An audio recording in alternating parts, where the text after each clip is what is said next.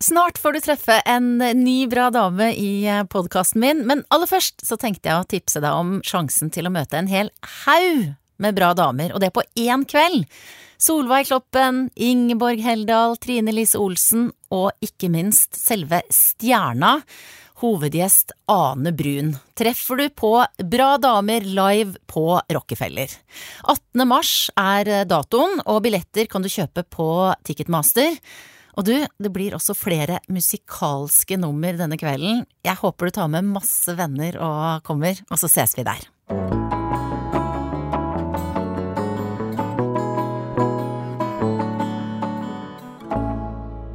Dette her er podkasten Bra damer. Guri Solberg heter jeg. Og jeg pleier ofte å begynne denne podkasten med å si her sitter jeg i mitt Og så forteller jeg litt om hvordan det ser ut rundt meg i podkaststudio. Og i dag så føles det på en måte ekstra eh, relevant fordi at eh, dama som er min gjest, hun er kunst- og motekulturhistoriker og er altså eh, en dame som kan veldig mye om og er veldig interessert i hvordan det ser ut rundt oss, hvorfor det ser sånn ut, hva det sier om oss. Så kanskje jeg skal overlate liksom, beskrivelsen av rommet til deg. Ragnhild Brochmann, velkommen hit, forresten. Jo, tusen takk, Guri. Du, hvordan, hva dette rommet, dette studioet som vi nå sitter inne i, hva slags følelser gir det deg som den estetikeren du er? Nei, Da har jeg lyst til å begynne et lite skritt uh, tilbake og utenfor døren din. For jeg har jo aldri vært i, i hele dette monster- og kulturrådet siden ombygging av de gamle fabrikkhallene, sikkert, mm som det har mhm. vært. Som jo er en slags sånn kulturskatt for alle de som skjønte at det var der man skulle ha lokalet. For da får man disse deilige industrivinduene som bare siler lyset gjennom, og Akerselva som ligger og pludrer ved siden av. Og så har jeg jo syklet rundt en liten stund og blitt svett rundt armene. Rundt, under og rundt armene. Fordi jeg skulle finne riktig inngang, for det var ikke så logisk. Men eh, så da hadde jeg jo allerede fått en Da koste jeg meg ganske mye allerede da. Da kunne jeg godt sykle litt til. Ja. Helt til det var eh, Ja, nå kom jeg nesten inn til en sånn blindgate på vei opp hit tenkte jeg at her var det fint, ja. Det er jo hvitt, sånn som det er mange andre steder, men det er bare mye penere vinduer og ja. mye mer solide vegger, og da slapper jeg mye bedre av med en gang. Det er ordentlig håndverk. Og så kom vi inn i dette åpne kontorlandskapet, som jeg syns var godt over gjennomsnitt, Guri. eh, og så kom vi inn hit, til din lille hule. Og det tenker jeg er en hule som er eh, liksom sympatisk uredigert. Ja, det var en fin måte å si det på. For det er mye sånn hummer og kanari og noen utstillingsstykker og en klokke som ikke går, og noen Gullruten-statuetter som ikke er mine. Ikke ja, de er ikke med? Nei, absolutt ikke. Jeg vet ikke hvor de kommer fra engang. Det er noen som har gitt litt til deg? Jeg syns du skulle hatt den her, Guri. Nei, altså er det jo Det er litt sånn uh, Sånn jeg ville sett for meg at det kunne se ut på liksom, eh, kontoret til en som Du kunne både ha lagd barne-TV, du kunne ha lagd eh, ungdoms, det kuleste ungdomsprogrammet på sånn rundt 2005.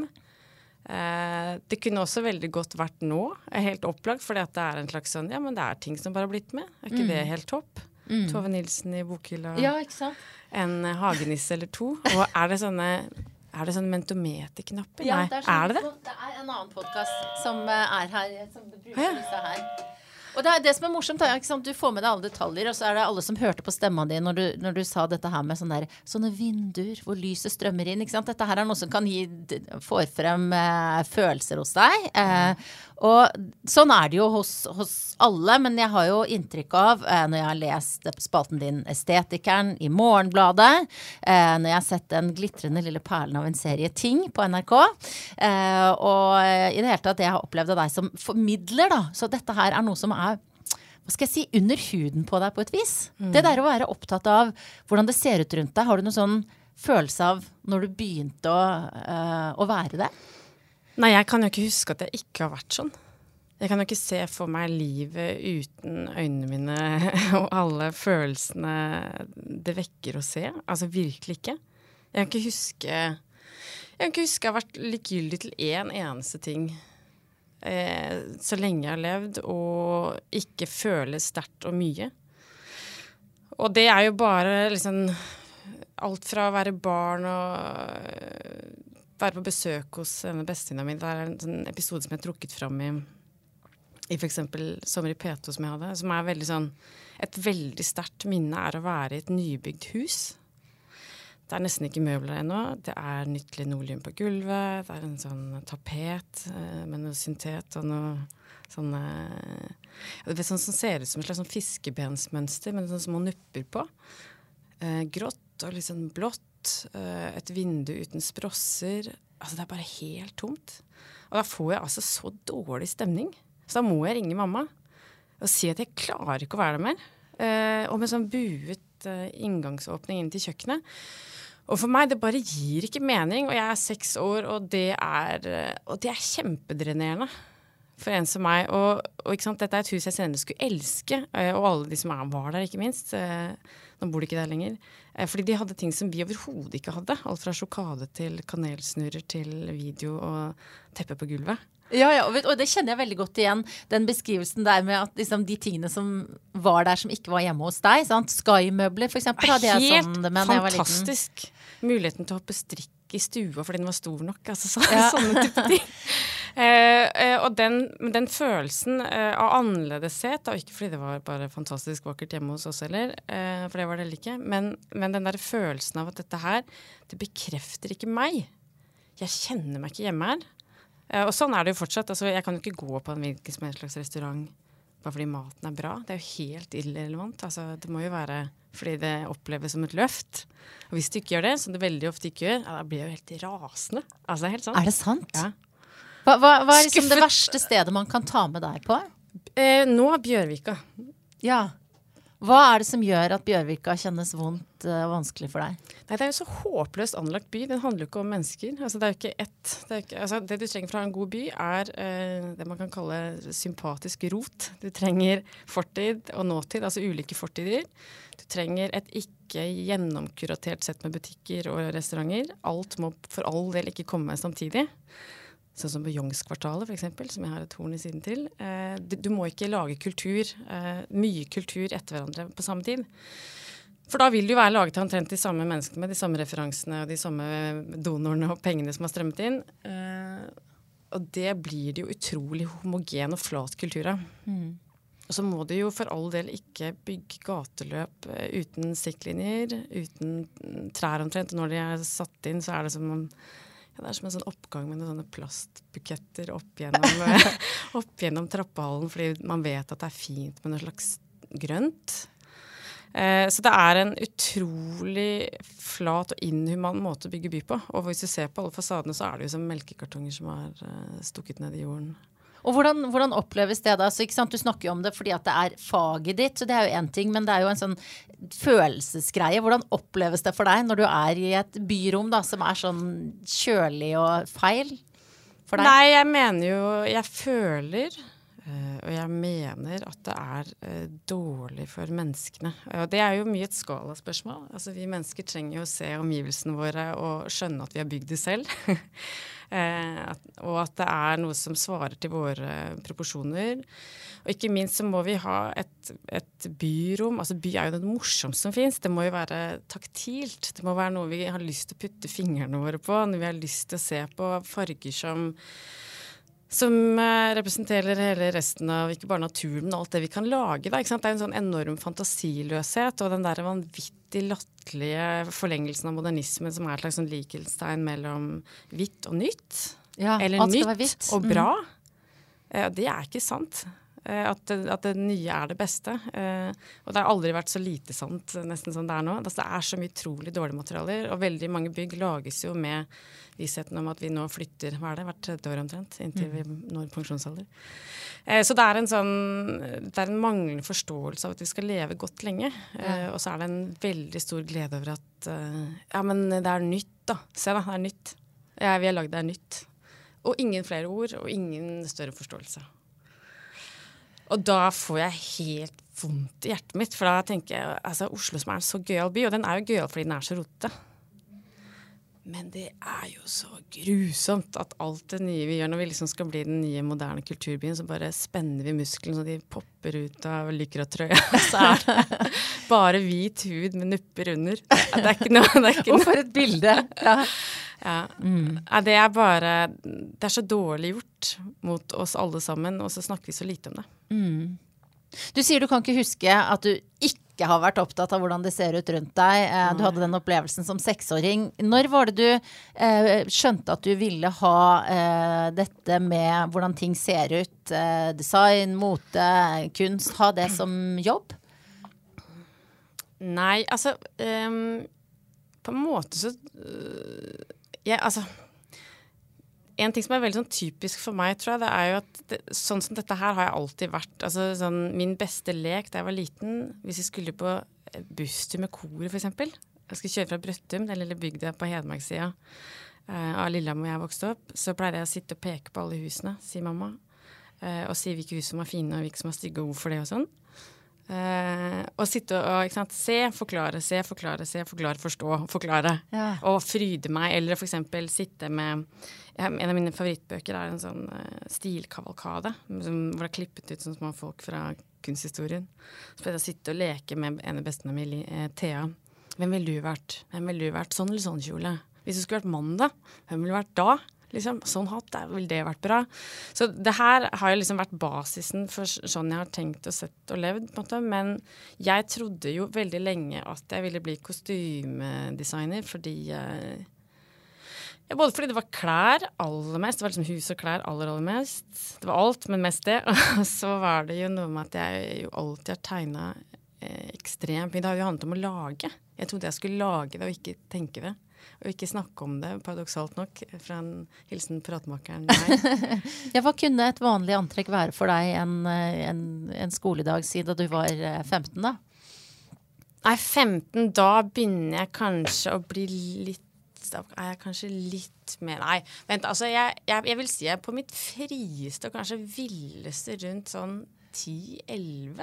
Å, herlig. Da har jeg min første Uno-fase. Eller har jeg min Uno-fase mm. og sånn én øredobb som en sånn hvilken som helst eh, kulturtante på Ja. den tiden. Ja, ja. Så da har jeg liksom den fasen med sånn derre sjal rundt halsen som er snurra sånn én gang rundt med sånne lange spisser. Og en øredobb jeg hadde laget av myrull. Som hun i Uno-butikken syntes var så fin at hun ville at jeg skulle lage en til henne. Også et stolt, et stolt øyeblikk for meg. Eh, og da Ja, da, jeg, da var jeg på mitt mest eh, sprø. Da kunne jeg ha en sånn liten flylue. Det er en sånn underlue som man hadde under flyhjelmen i gamle dager. Så hadde jeg først den. Så hadde jeg en stor, eh, en stor ullgenser. Og så hadde jeg noen slags nikkers. Mammas gamle skistrømper, mammas gamle fjellsko. Skjerf som bestemoren min hadde strikka. Kjempestore votter. Eh, og jeg var jo ikke sant, jeg var et tidlig utviklet barn. Jeg var, så, jeg var jo nesten større enn jeg var nå. Ja. Var nå, er nå. 1,64 og skikkelig diger, på en måte. For, ja, for til å være et barn, da. Kan jeg tenke når jeg ser bilder av meg selv nå. Men den, den friheten der til å kle deg med nikkers og egenlaget myrulløredobb og sånn, det er jo en veldig, sånn, det er en veldig styrke i det, da. Ja, ja. Eh, hva, I hvor stor grad var du liksom eh, eh, Sneik usikkerheten seg inn på noen vis? Nei, ikke, jeg tror usikkerheten sneik seg ikke inn der. Altså, jeg tror jo at jeg Jeg var jo ikke med i kulegjengen. Det kom jo ikke som en overraskelse nå, på en måte. Med mindre Brøttum var jo sånn derre myrullland. Men eh, Nei, jeg, som alle barn, tror jeg, skulle jo titt og ofte ønske at jeg var med i kulegjengen. Eh, og det var jeg jo ikke. For jeg var jo for spesiell for kulegjengen, da, kan du si. Og dessuten så var det noe med at Det er jo noe med tror jeg, å være et barn som ikke har liksom gutter eh, og drama. Altså sånn hva slags eh, hva slags hormonelt drama kan du liksom få opp i, klasserommet? Det var ikke det jeg var mest interessert i. Det er ikke noe bra, tror jeg, hvis du vil bli pop og styre og stelle. Du, altså, det er jo ikke noe tvil om når du, når du snakker om eh, enten det er eh, huset til venninna di da du var liten, eller eh, estetikk generelt, altså at du har en eh, intellektuell tilnærming eh, til det. For deg så er det fag. Samtidig så er det jo eh, mange eh, som kan se på det eh, å være opptatt av mote og estetikk da, som en sånn overfladiskhet. Det kan være et sånt eh, fagfelt eller område eller interesseområde som er litt sånn tullete og uviktig. Eh, I hvor stor grad har du møtt den type oppfatninger på din vei? Nei, overhodet ikke, vil jeg si. Så herlig. Men det er jo bare fordi Når Nå skal jeg passe meg for å skryte her, men når Nei, jeg ikke gidd. når jeg, nei, men når jeg, jeg tenker, når jeg kommer og forteller om noe jeg syns er viktig, eh, om det handler om hvordan byen ser ut, eller eh, hvor jævlig boliga er, eller hvor eh, lite intelligent eh, reklamekampanjen deres er skrudd sammen, f.eks. Eh, så for det første så er det jo sånn at altså, det blanke bare faktum er jo at hele, hele verden er utgjort, eh, laget av våre ting. Eh, husene vi bor i, senga vi sover i, glasset vi drikker av om morgenen. Altså alt er ting, alt er materiell menneskeskapt kultur så godt som. Eh, og det betyr jo at alt er vesentlig. Alt er laget av oss for en grunn. Eh, noen ganger med dårlig motivasjon og dårligere materialer enn andre. Men, men dette er vår verden, og det er yderst eh, meningsfullt, og, og ikke det stikk motsatte. Den store det store eh, og fordummende som har skjedd i vår tid, er jo at idet vi får vanvittig mange ting, eh, ekstremt stor kjøpekraft, eh, en selvfølge rundt det, så forsvinner jo også verdien vi tilskriver de enkelte tingene. Det er ikke sånn at vi lenger flytter med en kiste med de koppene og karene vi har, og de to stakkene vi eier i livet. Så da mister vi jo veldig mye av den verdien. Vi mister jo også evnen til å ta vare på det på den måten, og vi glemmer at det har en eh, verdi som har alt med oss å gjøre. Og med samfunnet hvor vi har skaffet oss dette, og som har laget dette å gjøre. Eh, så, så det er jo vår egen skyld i liksom supermaterialismens og superturbokapitalismens tid at, at, vi har blitt sånn og tenker sånn. Eh, og med enda mer spesifikt med mote, så er det jo en det er jo ingen felt som er så belagt med fordommer som mote. Og, og, det er det mange gode grunner til, og det har jo mest å gjøre med at mennene Altså det vil liksom bikke fra 1700-tallet inn i 1800-tallet. Så blir jo den moderne monsterdrakten født. liksom Dressen ikke helt sånn som vi kjenner, men ganske lik. Eh, flere og flere menn får stemmerett. Flere og flere rir fra landstedet sitt til byen, eh, fra landet og inn til byen. Der er de effektive, viktige, rasjonelle menn. Eh, samfunnet blir veldig åpent for dem, mens kvinner de trekkes jo mer og mer ut av samfunnet. Eh, jo mer de har mulighet til å skaffe seg arbeid, eh, jo mindre behøver kvinner å jobbe. Eh, ikke for mange, selvfølgelig, men for flere og flere. Så 1800-tallet som vi tenker på som den moderne tidsalderen hvor alt skjer, er på mange måter holder samfunnet på å bli mer og mer gammeldags. Og mote det blir mer og mer en ting kvinner gjør. Eh, som mennene vil at kvinnene skal gjøre, ifølge historien. Altså pyntedokker, trofékoner. Um, og det er jo et narrativ som heller ikke stemmer. Altså Menn pynter seg helt vilt. Ikke sant? Dandyen er det mest uh, seksuelt ladede motedyret som verden noen gang har født. Men det ser ikke sånn ut, og det fortelles ikke sånn. Så når vi har kommet langt inn på 1900-tallet, så, så, er det fortsatt nesten bare menn som er motedesignere, som sitter på toppen av motesystemene eh, som eier og driver den, den, estetiske industrien, men vi snakker om det som et kvinnefenomen, som en overfladisk, triviell, fordummende, banal, fjollete lyst. Istedenfor at det er en ekstrem multimilliardindustri med, med silke og bomull og handel og et et formspråk og en kultur og noen pengesekker som ikke ligner noe annet i verden. Uh, så, så, men, men, vi koder det feminint. Uh, og vi sier at det er uh, en latterlig ting å gjøre, og noe som kvinner gjør når de ikke har noe bedre å foreta seg. Og det er jo kjempedumt, da. Fordi at på den måten, hvis du kommer til Norge, som har hatt lite adel og en lite urban kultur, da har vi nesten ikke noen erindring om at mote, både som industri og som håndverkskultur og som kongens glede, har vært kjempeviktig, er kjempeviktig. Så her i Norge så er det mye lettere for oss å, å glemme at, uh, at, dette har utrolig stor kulturell betydning, og at det på alle mulige måter speiler oss som mennesker. Både utviklingsmessig og, og hvordan eh, estetikken til enhver tid reflekterer alle samfunnsstrømninger. Om det er 1968 mm. og sleng i buksa og pannebånd og indianerfjær, eller om det er nå.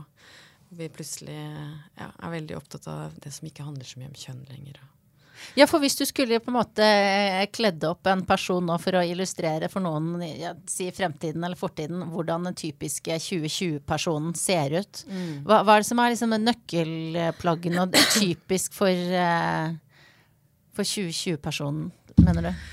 Nei, typisk for 2020 er jo muligheten til å velge. Og når vi får velge, så er det jo det bekvemme. Eh, Det er en, en stor eh, joggesko. eh, Ikke sant? Joggeskoen i en eller annen variant. Gjerne en litt kraftfull såle og en litt humoristisk Jerry Seinfeldsk topp. Som både viser at man er eh, Dette er ikke en joggesko, men en motesko. eh, noe som tøyser litt med x antall referanser som man kanskje har eller ikke har. Og så er det kanskje et par uh, olabukser som det har vært de siste årene, og det kan godt være 501 eller der omkring. Fortsatt for jenter høyt eh, liv. Og så vil det være en stor skjorte, kanskje. Noe som viser at vi ikke er så opptatt av å vise fram kroppen akkurat nå. Og at man i hvert fall kan la være å gjøre det hvis man vil det. Og så er det kanskje en eh, blazer som eh, dessverre ikke er sydd i Italia som min, for å si det sånn. Ja, det men eh, men eh, som kommer fra weekday, og da vil man se at den er litt rett og litt sånn Ja, den har ikke kostet så mye å sette den sammen, men den er fin likevel. Og det er ull, og kanskje er den beige, f.eks. Og så er det fortsatt et slags sånn bandolær rumpetaske på over skuldra, fordi det er praktisk å bære tett inntil kroppen på den måten. Men hvis du ja, kanskje en sånn over skuldra, og eller en eh, ryggsekk av merket Hersel eller uh, Fjellreven eller eh, noe i den leia der. Og så er det en Kanskje en smårylte boblejakke, for det er så utrolig deilig med sånn lett jakke bare mellom og under, liksom. Eh, og så en stor kåpe utapå der igjen, eh, vil jeg tenke. Og tynne gulløreringer, litt sånn som både du og jeg. Ja, ja, ja. Vi er, her er vi veldig typiske. Ja, Ja, her er vi veldig typiske. Så um, Ja, så noe sånt. Hva er det vi kommer til å le mest av da? Altså, det, hvert tiår har jo noe som vi skjemmes litt over når det har gått en stund, og så begynner vi gjerne å elske det igjen. Men hva er, bør vi bli mest flau over? Nei, jeg tror akkurat det samme. Altså det som er så herlig med å, å, å tro at eh, liksom, fortiden, den latterlige fortiden er tilbakelagt når vi har bikka enda et nytt tiår, er jo sånn herregud, de store, stygge joggeskoene. Herregud, den der rumpetaska på skrå ikke sant, vil jo bli like latterlig som den som var rundt livet. Og nå begynner jo folk, de som er litt kulere enn de andre, begynner jo bare å sette den rundt livet igjen. Oi. Ikke sant? Så det her er det jo bare å Her går vi jo Vi løper jo rundt i hamsterhjulet med full, full fres. Du, altså, det er så gøy å høre på deg når du snakker om mote. For det er som med deg, som, altså, folk som kan mye, eh, og som har en sånn formidlingsglede, det er bare Det er noe av det beste jeg vet. Eh, og det er jo Ja, men det er helt Det er så gøy.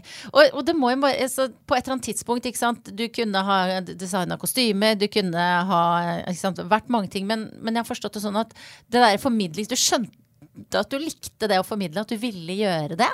Eller har det bare blitt sånn? Nei, det tok jo litt lengre tid, for jeg tror at jeg Du kan jo tenke at jeg har vært ganske lik å prate med alltid. Altså det tror jeg Kanskje ikke at jeg var akkurat maken da jeg var sju år, men, men litt, da, ifølge min mor og far. Så var det på en måte, så sitter du og snakker med en slags en ganske eh, god representant for meg sjøl, uansett alder, på en måte. Så jeg har jo alltid elsket å prate om det og dele det. Og, og jeg mener jo sånn når du spør meg om pleier du ikke, er ikke folk liksom fordomsfulle? Jeg tenker jo at man kan snakke med alt, om alt med alle, ja, nesten.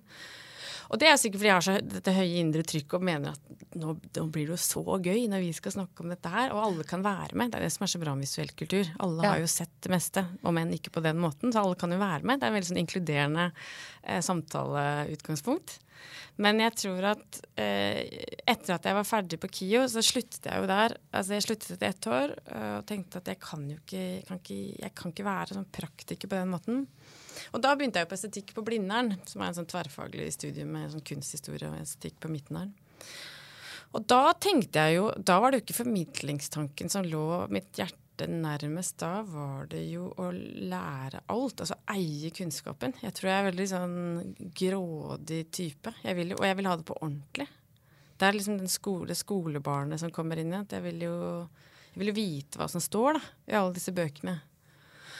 Og vite at det jeg tror er sant, på en slags måte. så da syns jeg det var helt Altså, jeg var på altså, en sånn akademisk high. Liksom, det første, altså, jeg, bare, jeg vet ikke om jeg har gått, vært på Blindern, eller gått, tatt fag på Blindern, men det er sånn det er høst som jeg elsker. Det er høst. Jeg har på meg et eller annet jeg syns er helt topp. Liksom noe plissé-skjørt, liksom, eller noe, noe høye hæler eh, liksom fra en eller annen loppemarked. Og jeg bare tenker, å, liksom Bøkene under armen og helt sånn eh, vet ikke, et slags sånn Berkeley-romantikk eller et eller annet i den duren. Og tenker at, og vinden bare blåser i håret. Da skal jeg tenke, nå skal jeg til biblioteket. Og jeg syns det er helt fantastisk. Så der, de tre årene, de første tre årene så føler jeg meg jo helt oppfylt av å skjønne det systemet. Å sitte bare med bøkene. Altså jeg, jeg for eksempel, har et minne jeg er så inni bøkene, jeg kan ikke dra hjem og lage suppe. Så jeg sitter og har sånn pose med sånn frosne erter. Så tenker jeg men er ikke erter ganske, er ikke de forkokte? Er ikke de ganske gode? At jeg bare åpner den posen og sitter og spiser sånne frosne erter, for jeg bare føler at uh, boka jeg leser, er så utrolig spennende. Og jeg får sikkert forferdelig vondt i magen etterpå.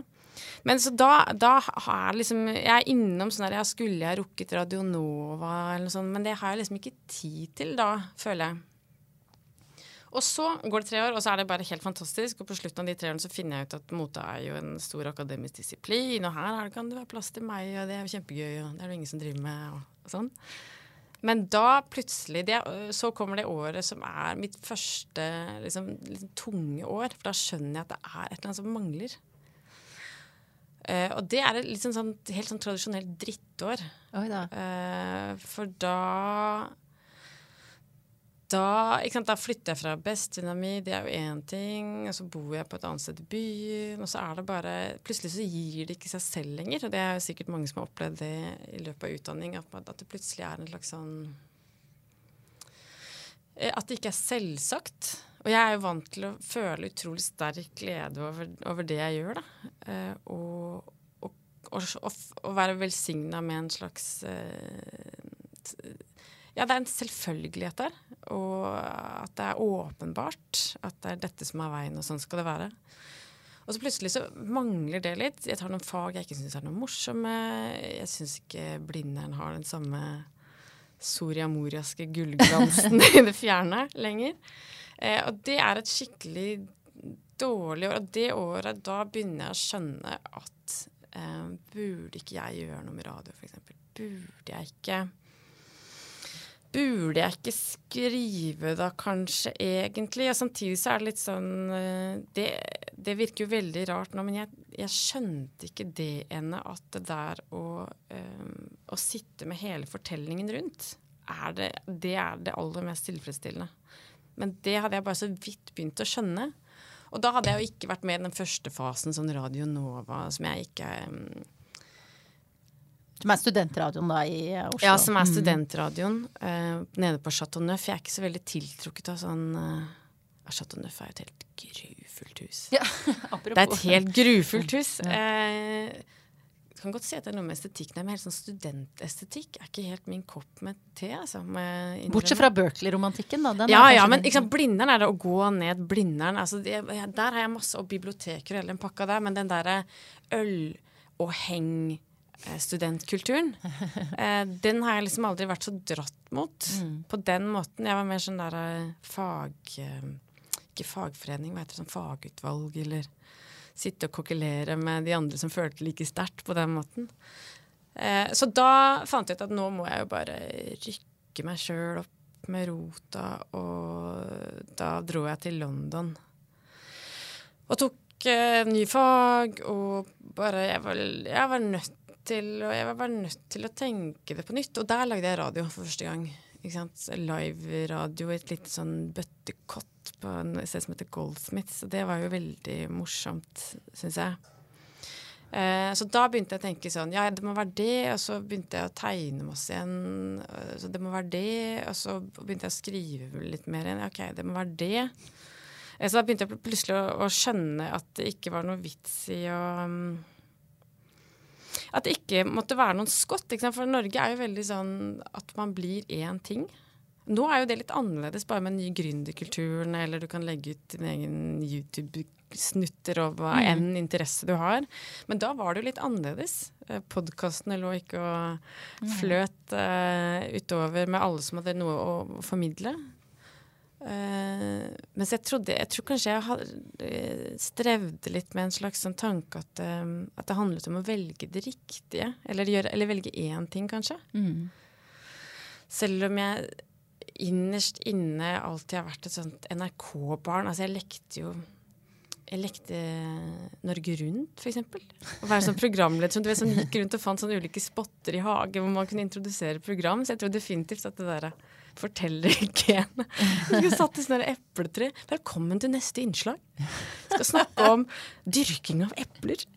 jeg, så på, jeg, så på, Norge Rundt nå i, i, helga, og da var det altså programlederen. Han eh, var i bar overkropp på et sånn badebasseng i Bergen, tror jeg, og testa sklia vanskelig av hvor fort det gikk. Ja. Og det er noe sånn, sånn skikkelig bamse av en fyr eh, ja. så, så, eh, i bar overkropp. Og det var, tenkte jeg, det er jo noe sånn herlig upolert da, med hele det programmet. Som nettopp som kanskje du setter pris på. Da. Det er jo liksom litt ferdig, ikke strømlinjeforma, i hvert fall. Ja, så var det ettersom barn, så er det sånn Hvor mange program har du sett, da? Vi hadde jo ikke TV2 engang. Det var veldig få. Og, og da, vil, da er man jo de programlederne man har sett, og føler seg knyttet til. Eh, og, men liksom, det er det som skjer da når jeg, når jeg, kommer til London. Da begynner jeg å skjønne Det er liksom første gangen jeg bare skjønner at um, At det er noe jeg må. Mm. Og så er det noe med å bare erkjenne at det er en Hva er, der, hva er det der scenebehovet? Eller hva er det fortellerbehovet? For jeg var jo uh, motsatt av hva man kanskje skulle tro, et veldig sjenert barn. Ikke sånn med tanke på å rekke opp hånda i klassa sjenert, men, men sånn ikke tør å spørre om russekort-sjenert. Uh, det å, å, elske scene, eksempel, var også noe jeg liksom skjønte i sjette klasse. Fra at jeg før ville være sånn dronninga i stykket som kommer inn eier og går ut igjen. Fordi jeg bare var veldig usikker på om jeg skulle gjøre det, på en måte. Så, så det der med å vrenge eh, å vrenge meg helt ut på den andre siden, det, det, krevde vel noen slags tanker, da. Eller skjønne at det der indre trykket måtte ha um, Jeg trengte jo en hel masse ventiler, mens jeg trodde at bare den derre enorme interessen, prate med folk, var nok. Og så plutselig så skjønte jeg at det ikke var det lenger. Men liksom, så kom jeg tilbake fra London og har vært der og bare skjønt at jeg må tenke annerledes. Og så Tre dager før bryllupet til broren min så skjer jo en alvorlig ulykke. Jeg skader meg. Eh, veldig stygt. Eh, jeg skal klatre over et gjerde. Det er sankthansaften. Helt Jeg ville gjort det igjen. Det var ikke noe tull to øl, liksom. Det, noe, det var ingen fyll, det var ikke engang et fyllekalas. Og så faller jeg rett på hodet i asfalten og får kraniebrudd og hjerneblødning. Og da eh, er vi over i livets neste fase. Mm. Uten at jeg vet det da, men da Det skal jo bli inngangen til å ikke gjøre noe av det jeg måtte gjøre, og på en måte begynne å gjøre alt allikevel. Fordi at det å Ja. Det å være utsatt for en sånn uh, ulykke er jo noe altså en, Uansett hvor lite eller mye nevrotisk man er, så er det noe, på en måte noe man, vi alle frykter. Den liksom sankthansaften hvor alt er bra, du er med bestekompisen din, og så wham, så faller du. sant? Det er jo det, ikke sant? Man vet ikke. Kan mm. ikke være beskytta mot noen ting. Mm. Husker du noe uh, hva du tenkte da du våkna, eller? Nei, jeg husker Altså, jeg våkner jo opp Det er eh, da jeg er blitt Eh, dette har skjedd på Lillehammer. Da kommer eh, Da det lagt narkose, eh, fly til Ullevål fordi at det ikke er noen nevrologisk avdeling på Lillehammer lenger. Altså Bare for å si noe om sånn regionspolitikk rundt, rundt sykehusdrift. Det er veldig dumt hvis det skulle skje noe alvorlig, for da må man jo drenere da, ikke sant? hvis det blør fryktelig. Så kom jeg til, Lille, til Ullevål, og når jeg våkner opp, så står jo Da husker jeg, da står hele familien min rundt meg. Eh, de, litt som en slags sånn tåkedis. Jeg har jo masse morfin eh, i kroppen, så jeg husker jo det faktisk som en veldig Jeg vil ikke akkurat si kanskje positiv, men, men, jeg husker ikke at jeg var redd. Jeg husker at jeg ikke skjønte hvor jeg var, det husker jeg. Men jeg, husker, jeg var ikke redd. Og ikke bekymret. Og Det har sikkert veldig mye med mm, morfin å gjøre. men, eh, men det, det, føles bare som en filmscene. Ja. Og det neste jeg husker, er at det første jeg fikk å spise, var en liten Ritz rits med smør på. Og jeg husker jeg tenkte at det var veldig underlig ting å få. som mat. og, så, og, så, er det bare liksom dis de første dagene, så skjønner jeg jo at bryllupet har vært, og at uh, Eh, at alt har skjedd, på en måte. Men da, skal, da, aner jeg jo ikke hvor fryktelig mange år det skal ta. Så jeg er jo ikke Jeg er jo heldigvis ikke så bekymret som type. Så jeg bekymrer meg ikke så mye for meg selv når jeg mm. ligger der.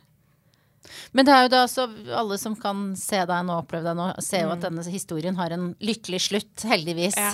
Eh, men som du sier, du går jo da inn i noe sånn som ni-ti år hvor dette her er på en måte din din bør å bære, da. Mm. Uh, hvordan, altså når har du beskrevet dette her indre trykket og formidlingsgleden og alt mm. du kan, hvordan er, var det å kjenne på at uh, det var noe fysisk som stoppa deg?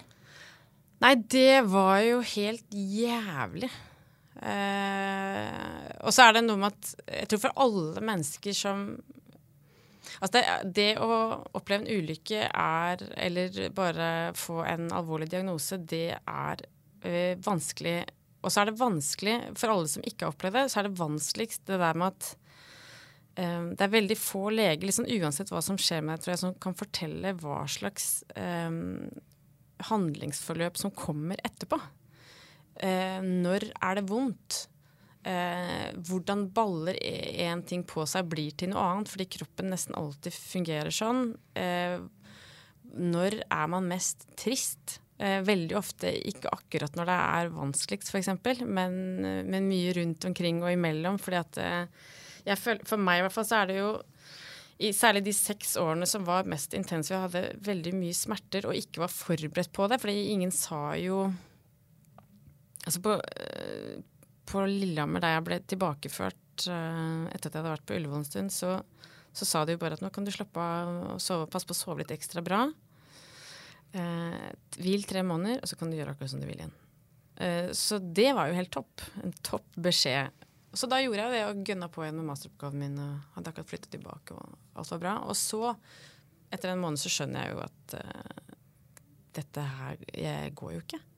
Jeg er jo så vanvittig sliten. Jeg får ikke til å lese. Um, det kroppen er ikke som før, og det hadde jo ingen fortalt meg. Og da eh, kommer en vakker liten historie, og det er at på Ullevål så møter min far eh, min lege, som heter Håkon Asak. Det tror jeg bare kan si. For han eh, Eh, pappa er en sånn, virkelig en sånn som får ekstremt god kontakt med eh, hunder, barn, dyr, alle.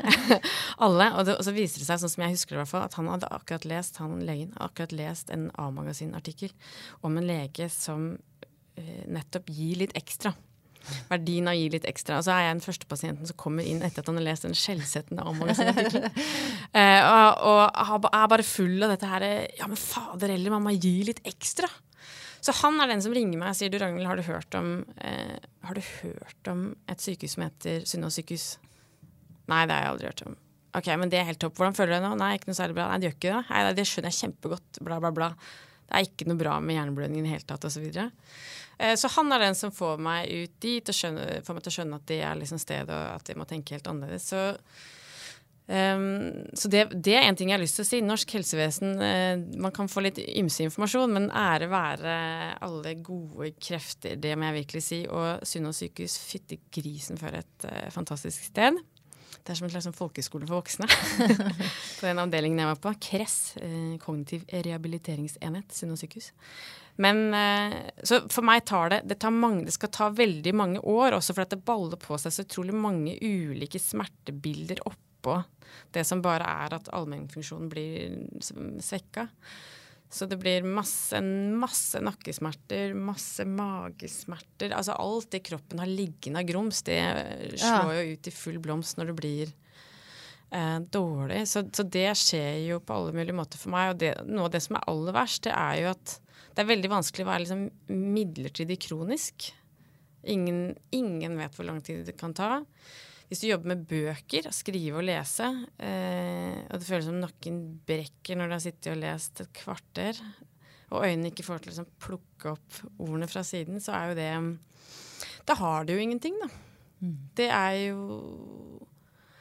Som å gå fra liksom, biblioteket i Alexandria og bli satt inn i en slags straffangerleir hvor du skal tygge på dine egne bein, på en måte. Fordi Og du kan jo tenke deg for alle som er sånn som meg, og jeg vet ikke hvordan du er der, men altså, man, må, man, fyrer jo hvis du er en ivrig type. Mm -hmm.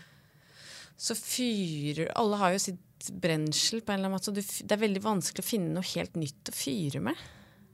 Og hvis du ikke kan lese og ikke kan uh, For meg, som er veldig avhengig av å um, supplere mine egne tanker om ting og ta med, med, med nytt, og ikke, det kan ikke bare være mitt, det er veldig slitsomt. Det er som å bli sin egen kannibal og liksom ete seg selv opp fra innsiden. Altså Hvor mange ganger kan du snu og vende på noe? på en måte? Mm.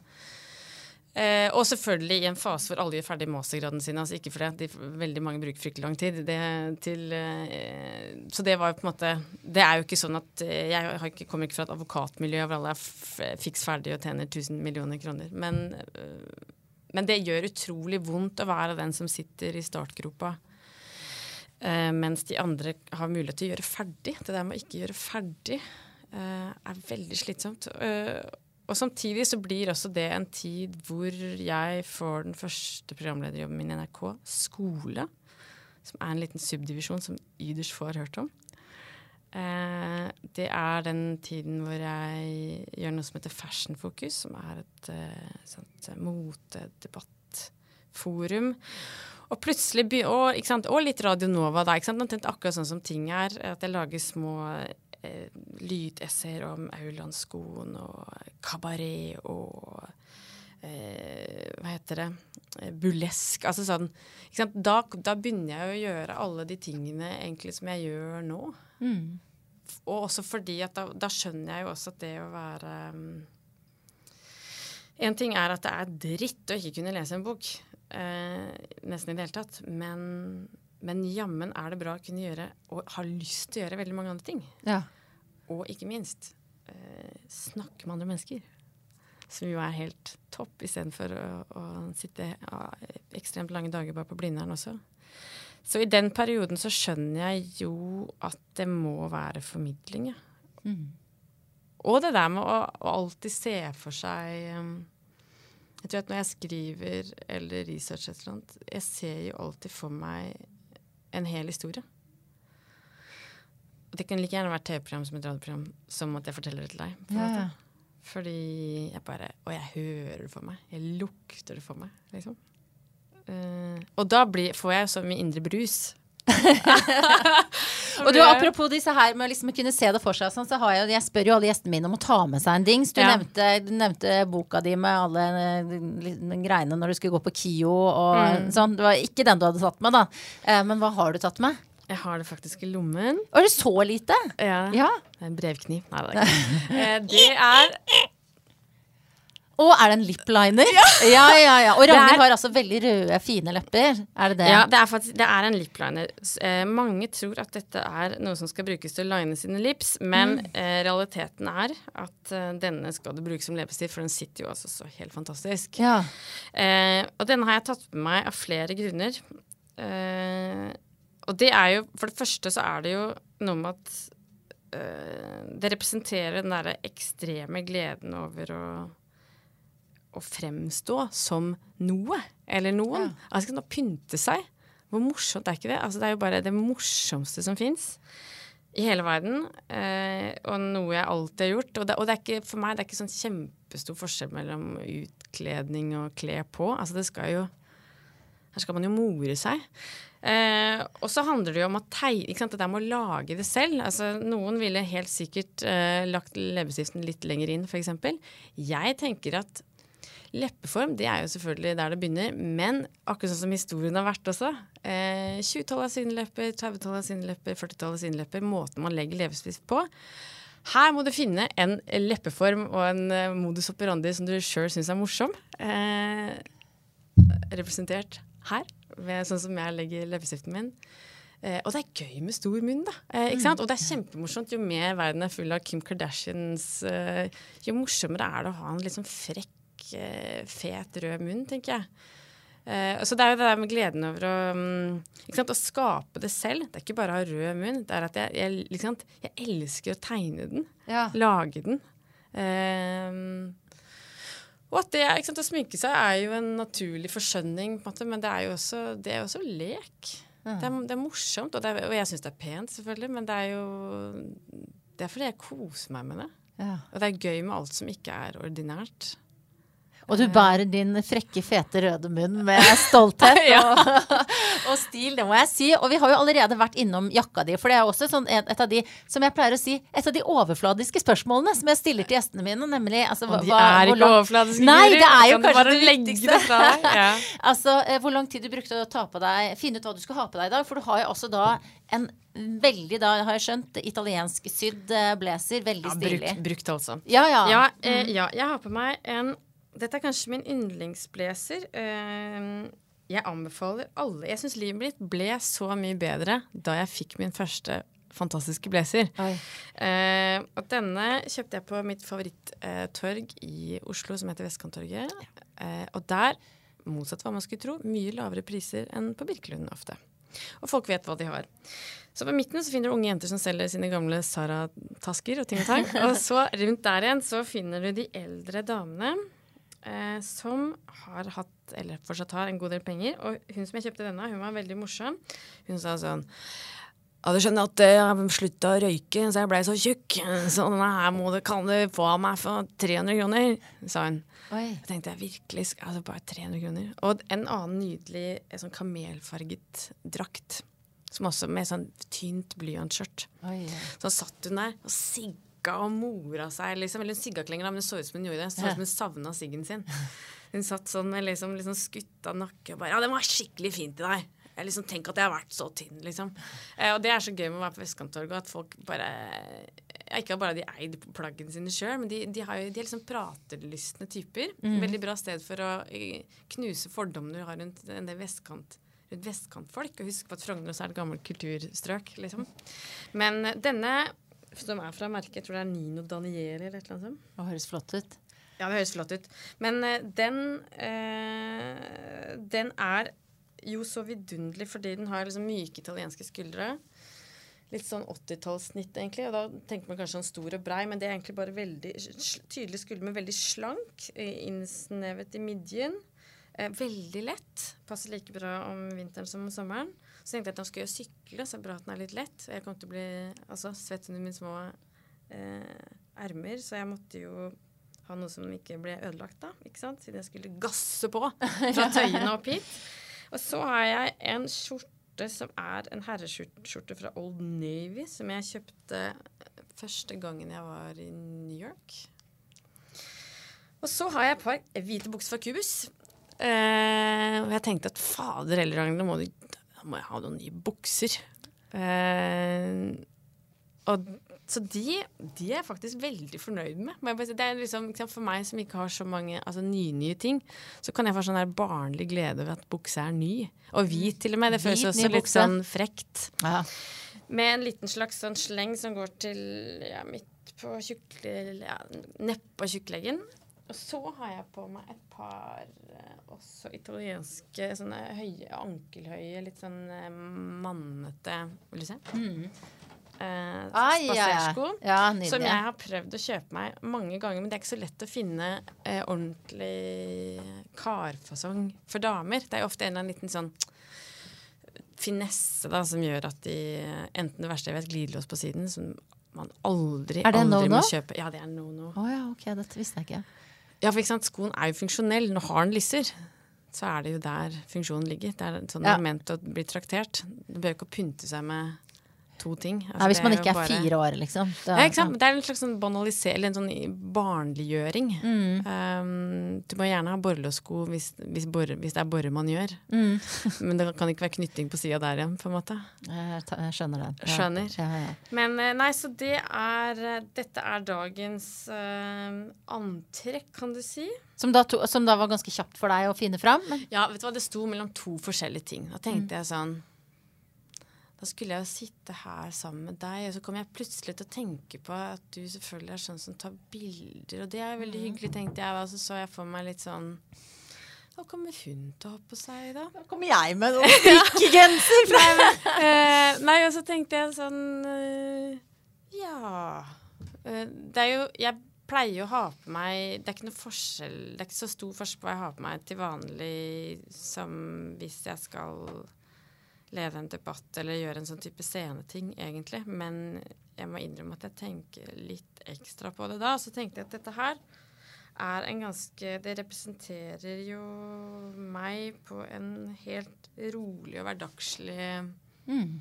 måte. Og særlig det der med å ha en sånn Når du har eh, stor rød munn og langt krølltår, da eh, er det veldig bra å ha en litt sånn maskulin kontrast. Og det tenker jeg også er litt sånn typisk for meg at det er eh, At det må være en god balanse mellom mannlig kvinnelig. Mm. Eh, og sånn går jo veldig mange kledd òg, altså. Men det er min eh, Min vanlige form er jo et eller annet som balanserer hverandre. Eh, og man får jo veldig bra fart i skoene liksom, med å ha en, en blazer som, eh, som sitter godt rundt skuldrene. Og så er jeg veldig glad i hårkammen min. Ja, ja, ja. ja. Eller, jeg- har mange hårkammer. ja men det er Før det ble så trendy. Ja, du var før, si. før alle de andre, Nei, men det er, sånn, selvfølgelig. det er sånn du kan kjøpe på sånn bunnpris. Du vet, sånn topack. Oh, ja. Sånn der kam til alle som ikke vil ha den der med perler på, som er veldig pop nå. Så kan man kjøpe sånn topack på bunnpris. Eller denne som jeg hadde i mitt bryllup, da. Dette er bryllupskammen min, Åh, faktisk. så den bringer lykke. Ja, men jeg tenkte på det faktisk. Jeg Plutselig sitter jeg her og liksom fortalte ja, det er something old, something new. Something bored og something blue. Men uh, ja, dette er en slags liten lykkekam, kan man godt si. Så det er jo noe med en slags sånn Jeg vet ikke, jeg tenker at jeg ser, jeg ser vel ut som en slags blanding av uh, Som samtiden for øvrig, da. Det er mye 90-tall. I et slags eh, en hårvafs over på siden. eh, og en stor munn og noe maskulint. Hva spiste du til frokost i dag, da? Jeg spiste Altså, jeg må bare si at jeg er så heldig at jeg har en mann som lager frokost til meg hver eneste morgen. Så da spiste jeg Det er så søtt, for han er jo vegetarianer, så han legger fram en skinkeskive til meg på min tallerken hver morgen. Jeg Det er kjærleik. ja. Skinke og kjærleik, som vi kaller det. Da, så da spiser jeg brødskiver. Mitt hjemmebakt rundstykke da, uten gluten, kan du tenke deg. Eh, og påleggene som han har satt fram. Jeg drikker masse kaffe. Det er bare helt herlig. Så tar jeg med meg ofte kaffekoppen inn igjen på badet. Og tegner opp den røde munnen. Og tegner opp den røde munnen, ja. Mm. Når hadde du sex sist? I går. Med mannen som tar fram skinke, skinke, skinke til av- For du er ny, relativt nygift. Ja, jeg er relativt nygift, ja. Det, kan, vil du si at du fortsatt er i hvetebrødsdagene? Siden du hadde sex i går ja, mer Altså, vet du hva, jeg er så utrolig lykkelig. Jeg, jeg syns jeg Altså, jeg er så fryktelig heldig. Uh? Og det er jo noe med uh, Med tanke på alle disse Altså, det har vært Det tok så lang tid. Jeg tenkte ofte på sånn uh, ja visst gjør det vondt når kropp, knopper brister. Altså, ikke sant? Alle, disse, alle disse store, klassiske setningene som vi kjenner så godt. Altså, jeg, det er eh, Det gjorde utrolig vondt, holdt jeg på å si. Og det tok lang tid før den knoppen brast, for å si det sånn. Og når det endelig skjedde, og særlig Du kan tenke deg det halvåret jeg møtte mannen min, altså for omtrent to år siden jeg møtte mannen min, så holdt jeg og Anita på med piloten til å lage ting samtidig. Så jeg møtte mannen min, lagde ting eh, samme uke, og eh, Estetikeren eh, ble lansert samme uke. Oi. Eh, så Bra da, uke. Da, veldig bra uke. Så da det brast, da var det eh, Det har vært bare så sinnssykt deilig. Og jeg er veldig glad for at jeg er skrudd sammen sånn at jeg vet og gleder meg over det. Eh, og at det er Jeg er så utrolig takknemlig for alt jeg får lov til å gjøre, og at den historien jeg trodde var bra Altså ja, sånn verden ser ut for meg. Da. Altså at uh, Ikke bare har jeg lyst til å fortelle, men at, at jeg ser at det har et, uh, et, stort og levende liv utenfor meg, det er jo bare så innmari morsomt. Mm. Uh, og, og, det er sånn jeg tenker om livet også. Da, det, er jo, det handler veldig mye om å jeg tenker jo alltid at vi skal snakke sammen. At, at, det skal Du kan jo tenke at jeg er sånn som liker å stå på scenen og snakke sjøl, på en måte. Men jeg tenker jo veldig mye at, at, det handler om at vi snakker med hverandre, og at, at veldig mye av det jeg gjør, og bare Estetikeren f.eks., eller den nye spalta også, det er jo en følelse av å lage et rom hvor, eh, hvor vi er der sammen. Mm. Eh, og da, tilbake til mannen min, så er det også sånn Det handler også veldig mye om å ha laget et ekstremt bra rom å være sammen. Uh, og det er så gøy, da. Så da begynte vi med å danse, sånn som vi ofte gjør. Jeg i morgenkåpa mi, for jeg er bare, han står opp før meg. Ikke sant? Og da danser vi. Uh, for ikke sant? Det, må, det må man jo bare gjøre. Uh, og det må bare få lov til å bruse på. og da tenker jeg sånn Fy fader, så heldig jeg er. Åh, det er så nydelig. Og jeg er så glad for at du kom hit og delte din eh, kunnskap og entusiasme. Det er en så deilig, deilig kombinasjon, de tingene der. Så tusen takk, Ragnhild, for at du ville være med i podkasten min. Tusen takk for det.